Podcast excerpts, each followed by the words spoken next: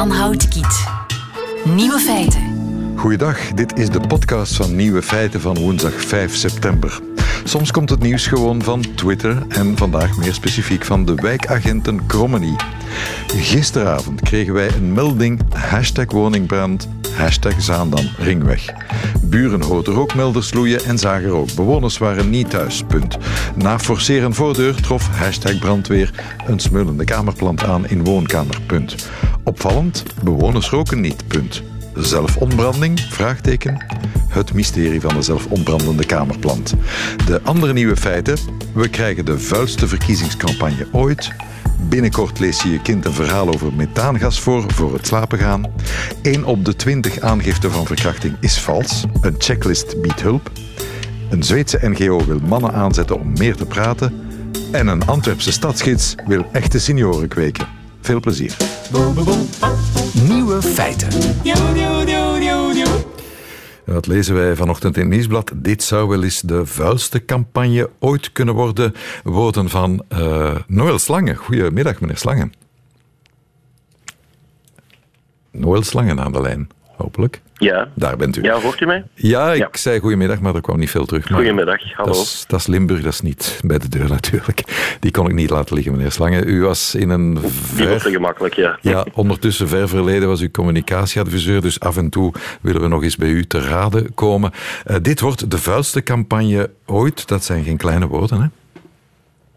Ja, nu, het is voor een stukje wel... Uh de sterke titel uh, boven het stuk. Want ik denk dat dat al bij al nog wel meevalt. Ik denk eigenlijk dat vooral de campagne in Antwerpen misschien wel de vuilste campagne ooit gaat worden. En we moeten vooral oppassen dat we dat niet toepassen op uh, de volledige gemeenteraadsverkiezingen. Want wat opvalt is dat als er ja, een campagne vuil is op gemeentelijk vlak, blijkt dat dat meestal tussen partijgenoten is. Namelijk uh, door de lijstvorming en zo. En nu wat er in Antwerpen aan het gebeuren is, daar hebben we het zo dadelijk over. U wijt het een beetje aan de titel. U weet, een krant moet verkopen natuurlijk, dus die titel moet lekker zijn. Maar ook de tussentitels verdienen wel aandacht in het nieuwsblad. En een van die tussentitels is Amerikaanse toestanden. Schuiven wij inderdaad op naar Amerikaanse toestanden? Want daar uh, verschilt een klein beetje van mening met bijvoorbeeld Karel de Vos, de politicoloog. Gaan we naar Amerikaanse toestanden? Eigenlijk ook alleen maar uh, in Antwerpen moet ik zeggen, omdat dat uh, op andere plaatsen al bij al nog wel goed meevalt. Nu, wat typisch is aan het Amerikaanse systeem, is dat je een heel sterke polarisering hebt. Namelijk, als je kunt zorgen dat je tegenstander een stem minder heeft, ja, dan heb je al sowieso een stem gewonnen. Hè? Want het, het, gaat op dat ogenblik tussen twee spelers. En dat is toch ook wel een beetje het beeld wat wij in Antwerpen beginnen te krijgen, waar je aan de ene kant een, een partij hebt. Hè? Laat ons maar zeggen, de politieke marktleider daar. Uh, en die sterk gepolariseerd is tegenover ongeveer alle andere uh, partijen. Mm -hmm. Wat, maar die polarisering, dat je zou kunnen zeggen, dat gaat mensen wel misschien winnen voor de politiek. Een, een, een goede vuile campagne is misschien niet zo verkeerd. Daar kun je misschien wel baat bij hebben, dat het allemaal een beetje scherper wordt. Het wordt allemaal wat scherper. Nu, de vraag is natuurlijk of het op dat ogenblik nog gaat over de thema's uh, waarover het uh, moet gaan. Want het zijn tenslotte gemeenteraadsverkiezingen. En over het algemeen is het zo dat uh, in gemeenteraadsverkiezingen de standpunten van partijen niet zo vreselijk ver uit elkaar liggen. Mm. En dat daarom veel vaker de, de band die men met een politicus of met een partij heeft, eigenlijk vaak belangrijker is. Maar ja, zoals dat zo vaak is bij gemeenteraadsverkiezingen, wordt natuurlijk naar Gent en Antwerpen en een paar andere steden ook vooral met een nationale bril gekeken. Maar ik denk ook wel dat er al nationaal campagne gevoerd gaat worden, want we mogen niet vergeten dat uh, amper een jaar later, uh, of minder dan minder een jaar dan later, een jaar later ja, tien maanden. Ja, gaan, komen de nationale verkiezingen eraan. En eigenlijk is iedereen zich uh, al wat warm aan het lopen voor die verkiezingen. Nu, de thema's waarover het nu allemaal wat scherper wordt, zijn natuurlijk thema's die heel dicht bij de mensen staan. Uh, veiligheid, onderwijs ging het over begin deze week. Uh, de war on drugs ging het ook maandag over in het interview met uh, Bart de Wever. Dus dat zijn thema's die, ja, die dicht bij de mensen staan. Hè? Ja, en waar men ook sterk rond kan polariseren, omdat het daar gaat over verschillende ideologische wereldbeelden. Hè. Je, met vooruitgangsoptimisme vaak tegenover ja, een zekere nostalgie. Hè. In dat onderwijsdebat zie je dat heel sterk. Ook wat sommigen noemen de webmensen en de walmensen. Mensen die, die, die eigenlijk de, ja, het wegvallen van, van, van grenzen en het wereldlijker worden omarmen. En anderen die um, daar eigenlijk vooral schrik van hebben. En, maar daar zie je natuurlijk wel soms heel vreemde fenomenen. Bijvoorbeeld um, dingen zoals het vluchtelingenprobleem, internationalisering. Speelt bijvoorbeeld veel sterker in gemeentes waar men bij wijze van spreken nog nooit geen uh, transmigrant gezien heeft, mhm. dan uh, in de meer stedelijke regio's. En daarin voel je natuurlijk dat ja, verkiezingen hebben ook heel veel met emotie te maken. Ja, dus dat, maar dat, ook dat begint een beetje op te schuiven natuurlijk met de problemen die we nu in Jabbeken en Kruibeke uh, meemaken. Nu, op dit moment is het duidelijk in Antwerpen, zegde u, daar is de situatie misschien wat, wat meer op de spits gedreven. Ze zijn daar geen vrienden aan het maken, de NVA om de partij nu te noemen. en het zijn dezelfde mensen waar ze misschien later coalities moeten mee gaan maken. Ja, en dat is natuurlijk wel uh, opvallend. Je krijgt zo'n beetje uh, het, het, gevoel dat ook de NVA hier uh, alles in aan het zetten is. En dat doet een beetje denken aan de VLD van Guy Verhofstadt in het begin van de jaren negentig, die eigenlijk volledig mikte om incontournabel te zijn. En ehm, ja, vooral veel kiezers wou binnenhalen. Eerder kiezers binnenhalen dan vrienden maken mhm. in de politiek. maar ja, voor Guy Verhofstadt mislukte dat toen, omdat ja, je hebt nogal altijd partijen nodig waarmee je een coalitie kunt maken. En dat zal natuurlijk de vraag zijn. Nu in Antwerpen uh, heb je natuurlijk twee partijen, namelijk Vlaams Belang en PvdA, die in de verdeling nagenoeg niet meespelen, maar die wel al een stuk van de koek wegnemen. En dat betekent dat je veel partijen nodig hebt om een uh, meerderheid te maken. Als een partij zeer groot is, dan kun je er eigenlijk niet omheen. Nu, als het allemaal gespeeld wordt zoals het op dit moment gespeeld wordt, wat gebekvecht en, en modder gooien, dat is niet goed voor het imago van de politiek, dat toch al een flinke deuk heeft. Gaan mensen, uh, ja, gaan mensen nog willen participeren in, in die sfeer? Ja, wat je eigenlijk krijgt is dat eh, de extreme, namelijk de extreme fans van een, uh, van een partij, voelen zich op dat ogenblik veel meer geëngageerd, gaan ook veel meer debatten aan op sociale media en zo. Maar je krijgt een zeer grote zwijgende meerderheid die zich op dat ogenblik afkeert van politiek en daar veel minder mee te maken wil hebben. En ja, of, dat op termijn goed is, meest, meestal eigenlijk niet. Namelijk polariserende stemmen zorgen er vaak voor dat eigenlijk de middengroep zich wat uh, afkeert van, uh, van de politiek. En dat zou natuurlijk wel eens kunnen gebeuren. Tegelijkertijd is het ook zo dat uh, zo'n polarisering ook wel zijn effect heeft op kleinere gemeentes. Namelijk dat je gaat merken dat bijvoorbeeld NVA daardoor vooral in kleinere gemeentes heel vaak langs de kant zal, zal moeten blijven staan. Omdat ja, als je een coalitie wilt maken, heb je toch wel wat politieke vrienden nodig. Maar het is duidelijk dat Antwerpen voor de NVA dat het daar hoog gespeeld wordt, dat ze dat koet koet willen houden. Hè?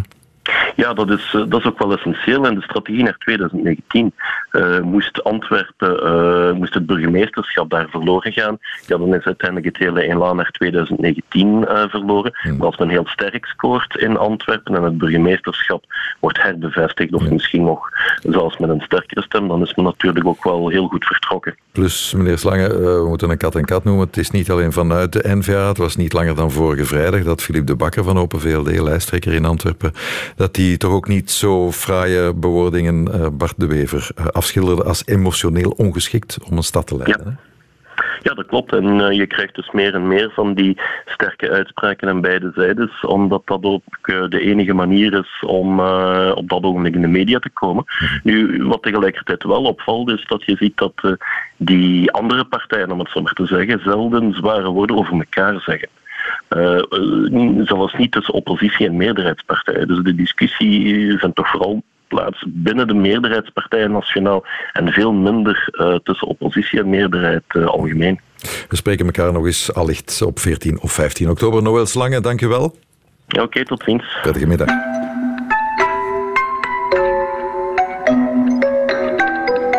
Nieuwe feiten. Het is misschien een beetje vroeg, maar tijd voor een verhaaltje voor het slapen gaan. Je kunt er niet vroeg genoeg aan beginnen. Koeien kunnen heel onschuldig kijken terwijl ze in de wei staan te herkauwen. Ze staren een beetje melig in de verte, zich van geen kwaad bewust. Maar ondertussen dragen ze net zoveel bij aan de klimaatverandering als de gemiddelde auto. Dat doen ze niet door CO2 uit te stoten, maar methaan. Methaan zit in de boeren van koeien. Die zijn veel erger dan hun scheten. Nu is het ook niet echt de schuld van de koeien. Het komt doordat zoveel mensen hamburgers eten en melk drinken. Anders waren er lang niet zoveel koeien geweest. De klimaatverandering, uitgelegd voor de allerjongste Mark de Horst. Goedemiddag. Goedemiddag. Deze prachtige woorden kwamen uit uw tekstverwerker, meer bepaald uit het hoofdstuk Schoorstenen en koeienscheten uit uw boek Palmen op de Noordpool. Ja, hoe begin je daaraan? Aan zo'n boek? Ja. Uh, ja, dat is best uh, ingewikkeld. Ik bedoel, aan het vertellen van dat verhaal natuurlijk. Ja, ja. Nee, ik heb er lang over nagedacht. Ook, uh, ja, eigenlijk ben ik gewoon jaren bezig geweest om informatie te verzamelen vooral. Ja. En dan is het vooral een indeling maken van hoe ga je dat vertellen aan de kinderen en hoe maak je het aantrekkelijk en hoe zorg je dat het helder blijft. Ja. En uh, dus daar helpen de illustraties van Wendy Panders misschien wel een beetje bij, want die, die spelen een belangrijke rol in het boek, hè? Ja, zonder meer. Die, die helpen enorm uh, om het helder te maken. Ik heb natuurlijk eerst de tekst geschreven, grotendeels. En vervolgens is Wendy aan de slag gegaan om illustraties daarbij te maken. En het, het goede van Wendy is dat ze ja, eigenlijk op een hele leuke, frisse manier informatie over kan brengen op kinderen. Want er staan bijvoorbeeld ook grafiekjes in. Nou ja, dat is hele droge kost. Ja. Maar zelfs dat is uh, niet vervelend om naar te kijken. En vaak maakt het het ook toch een stuk begrijpelijker inderdaad. Op welke leeftijd mikt u, meneer de Horst? Nou, officieel is het boek vanaf een jaar of tien. Maar ik zeg er zelf altijd bij van als kinderen echt heel erg geïnteresseerd zijn in een onderwerp dan kun je best wat jonger beginnen. En ik hoor ook al van veel mensen dat, uh, dat volwassenen het uh, erg fijn vinden om te lezen. En dit is natuurlijk de eerste generatie voor wie dit onderwerp uh, de evidentie zelf is. Hè. Ze zullen ermee geconfronteerd worden of ze het nu graag hebben of niet, de komende 10, 20 en misschien veel meer jaren. Ja, daar lijkt het wel op inderdaad. En het, het, kwartje begint te vallen hè, tegenwoordig. Dus, en voor kinderen zal het dan inderdaad iets vanzelfsprekender zijn. Ze groeien ermee op. Mm -hmm. En hen moet je op een niet moraliserende manier dan duidelijk maken dat een weekendje in New York met het vliegtuig geen evidentie is. Ja, dat zou je ze duidelijk kunnen proberen te maken. Ik denk ook wel dat dat een beetje uit het uh, boek blijkt. Maar ik, ik heb willen proberen te voorkomen om het uh, vingertje op te steken. Zo van je mag niet dit en je mag niet dat. Ik geef wel wat tips. Maar het is natuurlijk ondoenlijk om te zeggen van uh, je mag nooit meer met het vliegtuig. Of je moet altijd met de fiets. Of je mag geen vlees eten. Kijk, uh, ik vind zelf dat ze dat, uh, dat oordeel zelf maar moeten vellen uiteindelijk. Mm -hmm. En uh, daar, daarvoor heb ik uit dit boek geschreven. Dat ze gewoon begrijpen van ja, wat is klimaatverandering eigenlijk? Ja. hoe moet ik dat inschatten? En verder geef ik inderdaad een aantal oplossingen. Dingen die, die je zelf kunt doen, maar ook dingen die de politiek kan doen. Of die de technologie kan doen. Dingen, andere vervoerssystemen bijvoorbeeld bedenken. ik geef ook de tip van als je veel werk wilt of rijk wil worden, dan moet je een superbatterij uit gaan vinden of ja. zonnepanelen gaan leggen. Want daar, daar, daar zit de toekomst in. Ja. Is, is dit het geheim om ook voor volwassenen, wat u zegde, eh, om een, een onderwerp beter te begrijpen? Een kinderboek lezen? Ja, wat mij betreft zonder meer. Ik doe het zelf ook uh, wel eens als ik me gewoon moet verdiepen in een, een nieuw onderwerp. Uh, ja, dan kun je wel naar de volwassenenbib gaan, maar ja, vaak weet je dan niet zo goed waar je moet beginnen. En als je dan een boek hebt, dan beschrijft het maar of maar een deel of het is vrij ingewikkeld. Terwijl je hebt tegenwoordig best veel kinderboeken over uh, moeilijke onderwerpen. Die, uh, ja, die echt een hele lekkere inleiding zijn op een onderwerp als, uh, als klimaatverandering.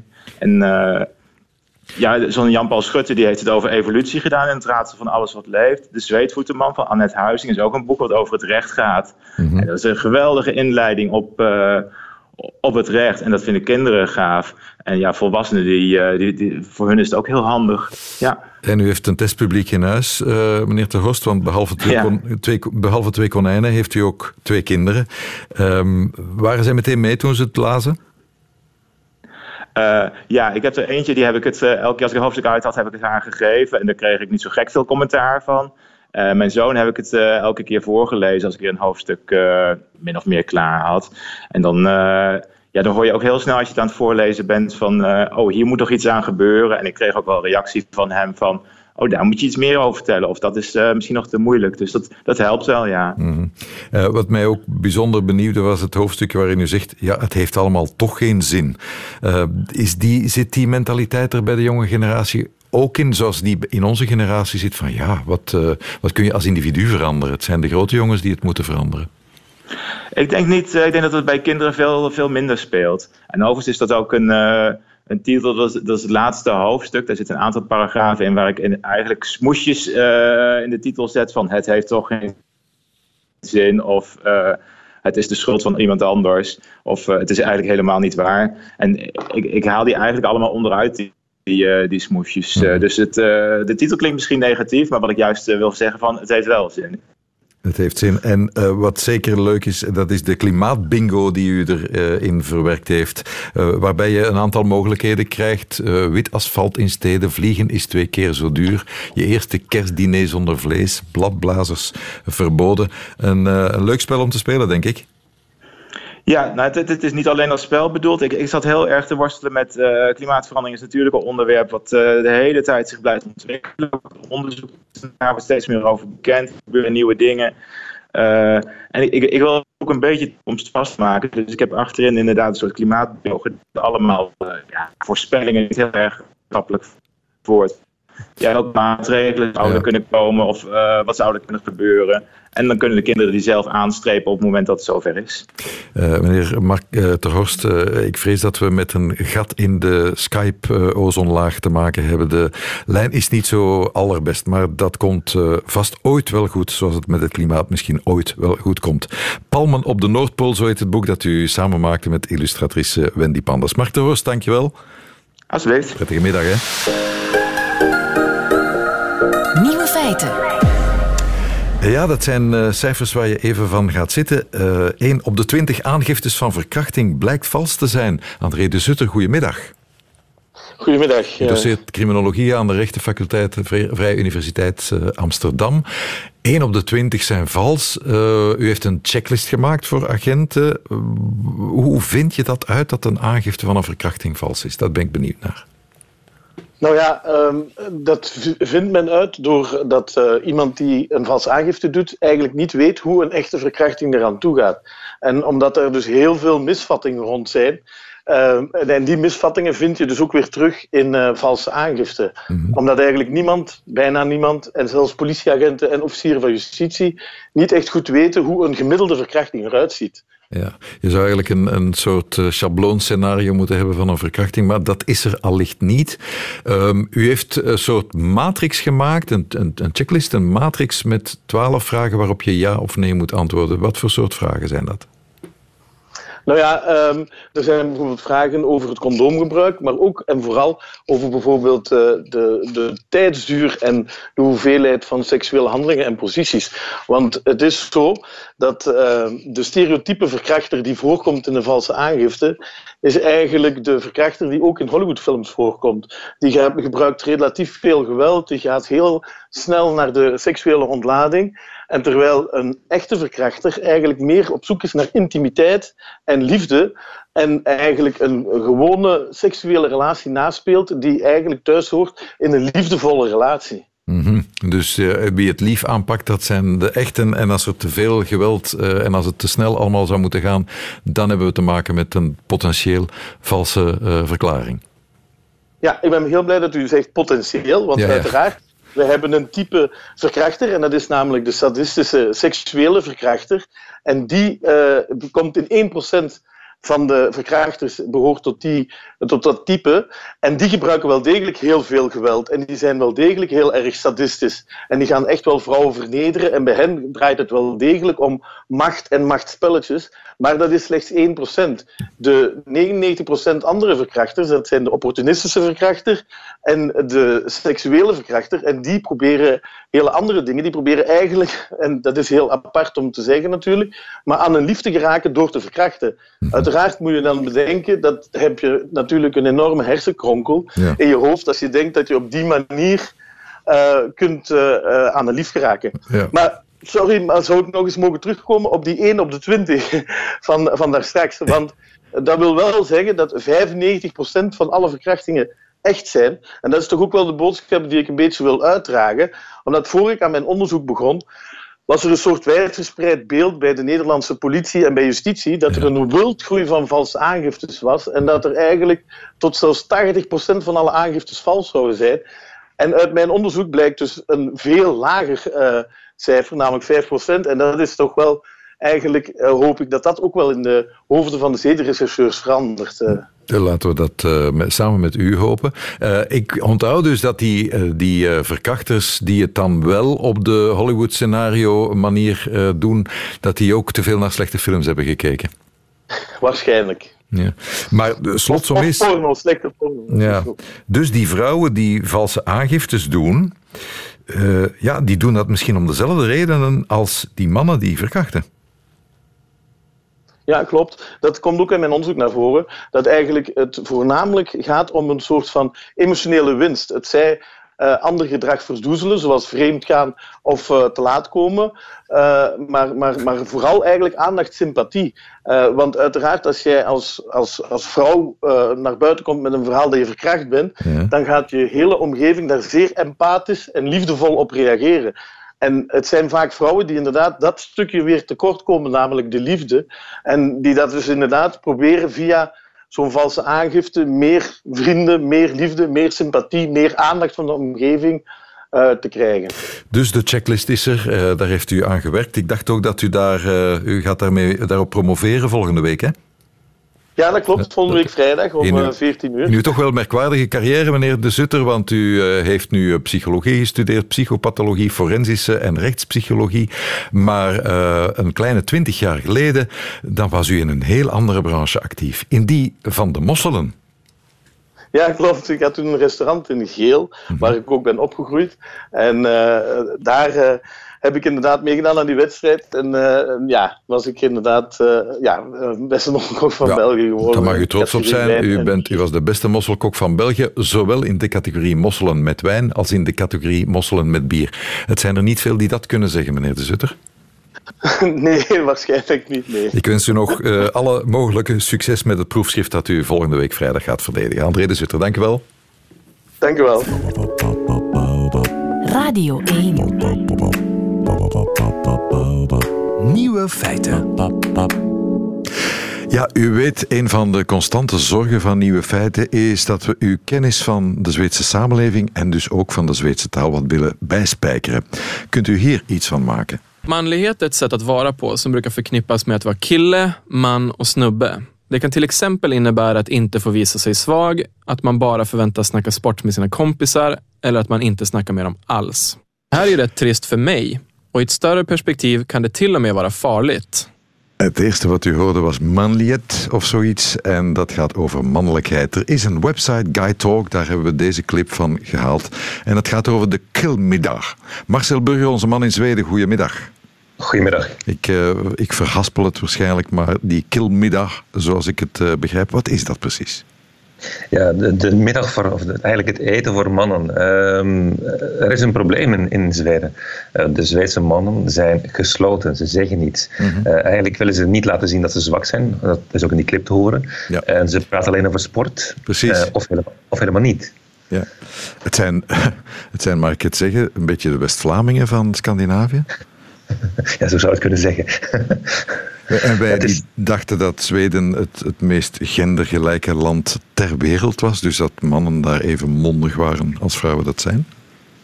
Ja, in het algemeen zijn Zweden wat gesloten. Er, uh, met de eigen familie durven ze wel dingen te zeggen, maar daarbuiten eigenlijk niet. Zweden willen niet graag boven het maaiveld uitsteken. En dat is eigenlijk nog erger als je een Zweedse man bent. Want ja, de Zweedse man, je kent het, de vikingbeelden, zijn stoere mannen, lange baarden, uh, sterk als je daar niet aan voldoet, dan, dan heb je eigenlijk in de Zweedse samenleving als man toch een klein beetje een probleem. Aan de andere kant, ik heb veel van mijn uh, vriendinnen die zeggen eigenlijk, ja, de Zweedse mannen zijn over het algemeen erg verwijfd. Ze zien er heel anders uit, uh, wat veel modieuzer gericht dan zeg maar, de vikingman zou moeten zijn. Dus er is een soort tweespalt in die Zweedse mannelijke samenleving in Zweden. En ja, het probleem daarbij is dat de mannen eigenlijk niet echt weten waar ze nou bij horen, welke identiteit ze hebben. En Ze durven daar niet over te praten. Ja, hier in Vlaanderen lossen we dat heel eenvoudig op. We gaan op café, hè? Ja, eh, de Zweedse mannen, ja, zodra je klaar bent met studeren, dan, dan gebeurt dat eigenlijk bijna niet. Zeker niet als je kinderen hebt. Je bent met de kinderen bezig, eh, dan komt u misschien nog wel andere papa's tegen die ook kinderen hebben. Dan heb je het over de kinderen, maar niet over waar het nou eigenlijk over gaat. En deze killermiddag of guy-middag, zou het ook kunnen guy-avond, guy-afspreken, ehm, dat zou dan moeten gaan over seks, over porno, over geweld en vriendschap. Dat raden ze aan om het daarover te hebben. Oké. Ehm, hoe dat dan precies verloopt, daar komen we zo dadelijk toe. Uh, de man kan dan wat stug en in zichzelf gekeerd en weinig uh, spraakzaam zijn. Dat vertaalt zich ook in, in cijfers, in cijfers van dakloosheid, van geweldsdelicten, van uh, slachtoffer zijn van geweld en, en ook zelfdoding. En ook daar weer de parallel misschien wel met West-Vlamingen. Ja, even de cijfers van het Zweedse Centraal Bureau voor de Statistiek. 20% eh, van de mannen schijnt geen goede vriend te hebben om mee te praten. 70% van de mensen die zelfmoord plegen is een man. En 87% van de mishandelingen worden door mannen gepleegd. Maar ook 60% van de slachtoffers van die mishandelingen zijn mannen. Dus er is wel een probleem. En dan dat initiatief, Kilmida heet het. is een initiatief, het is een initiatief ja, van uh, Make Equal.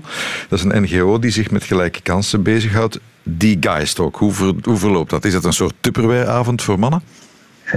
Bijna wel eigenlijk. Het uitgangspunt is dat u van tevoren het onderwerp gaat bepalen, dat u de agenda zet. Uh, je gaat zeggen, oké, hier gaan we het structureel over hebben. Eigenlijk een soort vergadering, een soort meeting zou je kunnen zeggen. Maar nog belangrijker is dat, dat je daarna moet zeggen, oké, we, hebben het nu, we hebben nu gehad over seks, over porno, over geweld. Hier gaan we het volgende keer weer over hebben. Dus over een week zien we elkaar weer. Een soort opvolging eigenlijk. Een soort structureel, structureel maken van dat je met elkaar gaat spreken. En ook uh, ja, eigenlijk open met, dat, met elkaar kunt hebben over allerlei dingen die u vastzitten. Nu, als mannen het over porno hebben, dan, dan hebben ze het over. Uh, ja, niet over de gevaren van porno, denk ik. Dan, dan gaan ze ook voluit. Is dat de bedoeling in zo'n guystalk? Of moet je toch de, de mogelijke problematisering van porno daar aanpakken? Ja, de problematisering. En daarom wordt ook Guy uh, avondeten genoemd, kilmiddag zeg maar. Uh, je ontmoet elkaar tijdens het eten of op café, uh, maar dan buiten de, zeg maar, de kroegavonden. Dus je gaat koffie drinken met, met gebak erbij. Vaak als dat gebeurt op een gewone doordeweekse dag in de middag, dan zijn de gesprekken anders dan in de avond wanneer u moe bent, wanneer u stoer gaat praten. Dus de bedoeling dat u van tevoren eigenlijk al bepaalt, oké, we gaan het eigenlijk niet hebben over uh, ja, het stoere gedeelte van, van porno, van seks. Maar eigenlijk, waar zitten wij mee als mannen? Uh, hebben wij problemen met onze seks, met onze partners? Dit soort dingen moeten bespreekbaar worden. Dus dan heb je een hele dag hard gewerkt, in vergaderingen gezeten. Dan ga je naar zo'n guystalk en dan over talk En dan begin je weer met afspraken en met een agenda. En dat wel en dat niet. Lijkt me bijzonder saai. Werkt het wel, die talks? Want ze zijn er toch al een paar jaar mee bezig, hè? Zijn er een paar jaar mee bezig, maar ja, ik woon al heel lang in Zweden. Ik heb nog nooit een guide talk gehad. Dus ik mis dat eigenlijk best wel een beetje, eigenlijk, die guide talk. Dus het zou eigenlijk heel goed kunnen zijn om het een keer te doen. Aan de andere kant, kijk, als je met elkaar, als mannen onder elkaar uh, eten gaat bereiden, uh, eten gaat maken, dan heb je eigenlijk al een soort nieuwe opening naar elkaar. Want dan moet je creatief zijn met elkaar, je moet met elkaar afspreken. En uh, dat werkt vaak wel beter dat je dan wat opener gaat zijn. Wat mij, mij toch een beetje blijft wringen, het is een guide talk, dus het bevestigt alleen maar de de ongelijkheid. Hè. Je gaat, eh, de mannen gaan bij elkaar kruipen en dus gaan de vrouwen ook van de weeromslag weer bij elkaar kruipen. Daarmee los je niet veel op, hè? Nee, eigenlijk als je kijkt naar de Zweedse samenleving, het is eigenlijk heel erg gericht op het, op het, uh, op het gelijk zijn, maar soms gaat de Zweedse samenleving daarin te ver. Uh, er wordt zoveel gezegd van nou, mannen en vrouwen zijn gelijk, maar gaat u kijken naar hoe, bijvoorbeeld hoe onze hersenen werken, die van vrouwen en die van mannen, die werken gewoon echt anders. En daar kun je uiteindelijk niet omheen. En dit is eigenlijk een soort eigenlijk bevestiging dat gelijkheid wel goed is, maar dat het eigenlijk toch niet helemaal bestaat. Het is een goed initiatief, maar uh, het is te proberen. Ik weet niet of het hier uh, zou aanslaan. We hebben gelukkig nog het café, denk ik dan. Misschien moet, uh, moet de Zweedse samenleving wat meer in cafés investeren. Marcel Burger. Dat zou misschien een hele goede zijn. Goed, neemt u het mee. U woont er toch al lang genoeg en u spreekt de taal. Marcel Burger, dankjewel. Graag gedaan. Radio 1. Nieuwe feiten. Nog net tijd voor een hartekreet van de stadsgids Tanguy Otomer, Antwerpse stadsgids. Meneer Otomer, goedemiddag. Goedemiddag. Ik heb zo'n traditie in een vorig programma. Iemand krijgt nog een minuut. Dat bent u vandaag. Uh, wat bent u aan het zoeken? Wel, ik ben eigenlijk op zoek naar senioren. Dus Antwerpenaren die binnen de stadswallen, dus binnen de Leien tot aan de Schelde zijn geboren. Heeft u even, uh, ik kan er u genoeg opnoemen, hè? Ja, maar die, dat is een uitstervend ras aan het worden. Het probleem is, de, de laatste die zijn geboren, dat is uh, midden jaren 80. In 85 is de materniteit in Antwerpen gesloten. En sindsdien kan je eigenlijk niet meer binnen die ja, de leien geboren worden, tenzij dus, een thuisbevalling. Maken het heel concreet, meneer Otomer. U wil een seniorenbaby, dus een koppel dat binnen de stad wil bevallen. Wij willen u daarbij helpen, bij dat, het vinden van dat seniorenkoppel. De conceptie moet niet binnen de lei gebeuren, maar wel de bevalling, hè? Dat mag, dat mag. Kandidaten die binnen de leien willen bevallen, melden zich nieuwe feiten radio1.be. En uh, misschien morgen al, misschien overmorgen, vinden we een koppel en hebben we toch iemand geholpen. Tanguy Otomer, dank u wel. Hè? Hartelijk bedankt. Benieuwd uh, of u daar wil bij horen en een nieuwe seniorenbaby wil produceren, of tenminste wil bevallen. Nieuwe feiten radio1.be. Eén vraag hebben we nog niet gesteld. Wat speelt er toch allemaal in dat hoofd van Nico Dijkshoorn vandaag? Nieuwe feiten. Middagjournaal. Beste luisteraars. Vandaag stuurde een luisteraar van dit programma mij een bericht. Of ik ooit een kinderboek ga schrijven, was de vraag.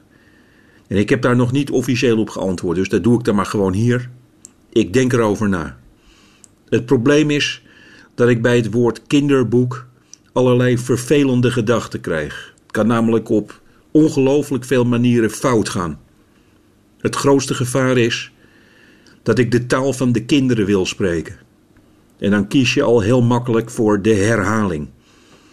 Omdat kinderen 27 keer achter elkaar kunnen schateren om het optillen van een theelepeltje, denken jeugdboekenschrijvers vaak dat ze ook alles steeds maar moeten herhalen. En dan krijg je hele rare teksten. Schapie schaap heeft honger. Oh, oh, oh, oh. Wat heeft Schapie schaap honger? Zijn maag rammelt. Van de honger, hoorden jullie dat? Oh, oh, oh, wat nu? Schapie schaap heeft honger. En er is helemaal niets in huis. Horen jullie zijn maagje? Nou, nou, nou, wat een honger heeft Schapie schaap. Zo een boekje van hard karton, dat heet dan meestal Schapie schaap heeft honger. Wat mij ook tegenstaat is dat schapen nooit in een huis wonen. Ook heel vervelend zijn kinderboekjes waar je steeds maar aan moet voelen. Benno, Benno het zijderupsje, heeft duizenden haartjes op zijn bast. Duizend, veel hè? Voel maar aan het rondje hieronder. En dan moet dat kind dus aan een stukje fluweel gaan zitten voelen. En dat wordt steeds viezer in dat boekje. Misschien nog erger zijn de boeken voor de iets oudere kinderen. Daarin worden vaak al in de eerste zinnen vier veel voorkomende seksuele taboes benoemd. Natasja werd wakker in een vreemd bed. Snel voelde zij naast zich, gelukkig, alle condooms lagen nog op het nachtkastje. Vandaag was een spannende dag. Om half elf had ze een seksoperatie en smiddags liet ze een rugwervel erbij zetten om langer te lijken. Ze belde snel haar gescheiden vader. Als ik een boek voor kinderen schrijf, dan zal het gaan over een jongetje. Dat jongetje zit voor een raam en hij ziet een heuvel. Achter die heuvel is alles goed. En voor die heuvel liggen de problemen op de loer. Dat jongetje twijfelt al een leven lang of hij op reis zal gaan. Het is zo lekker warm binnen. Dat jongetje heet Nico.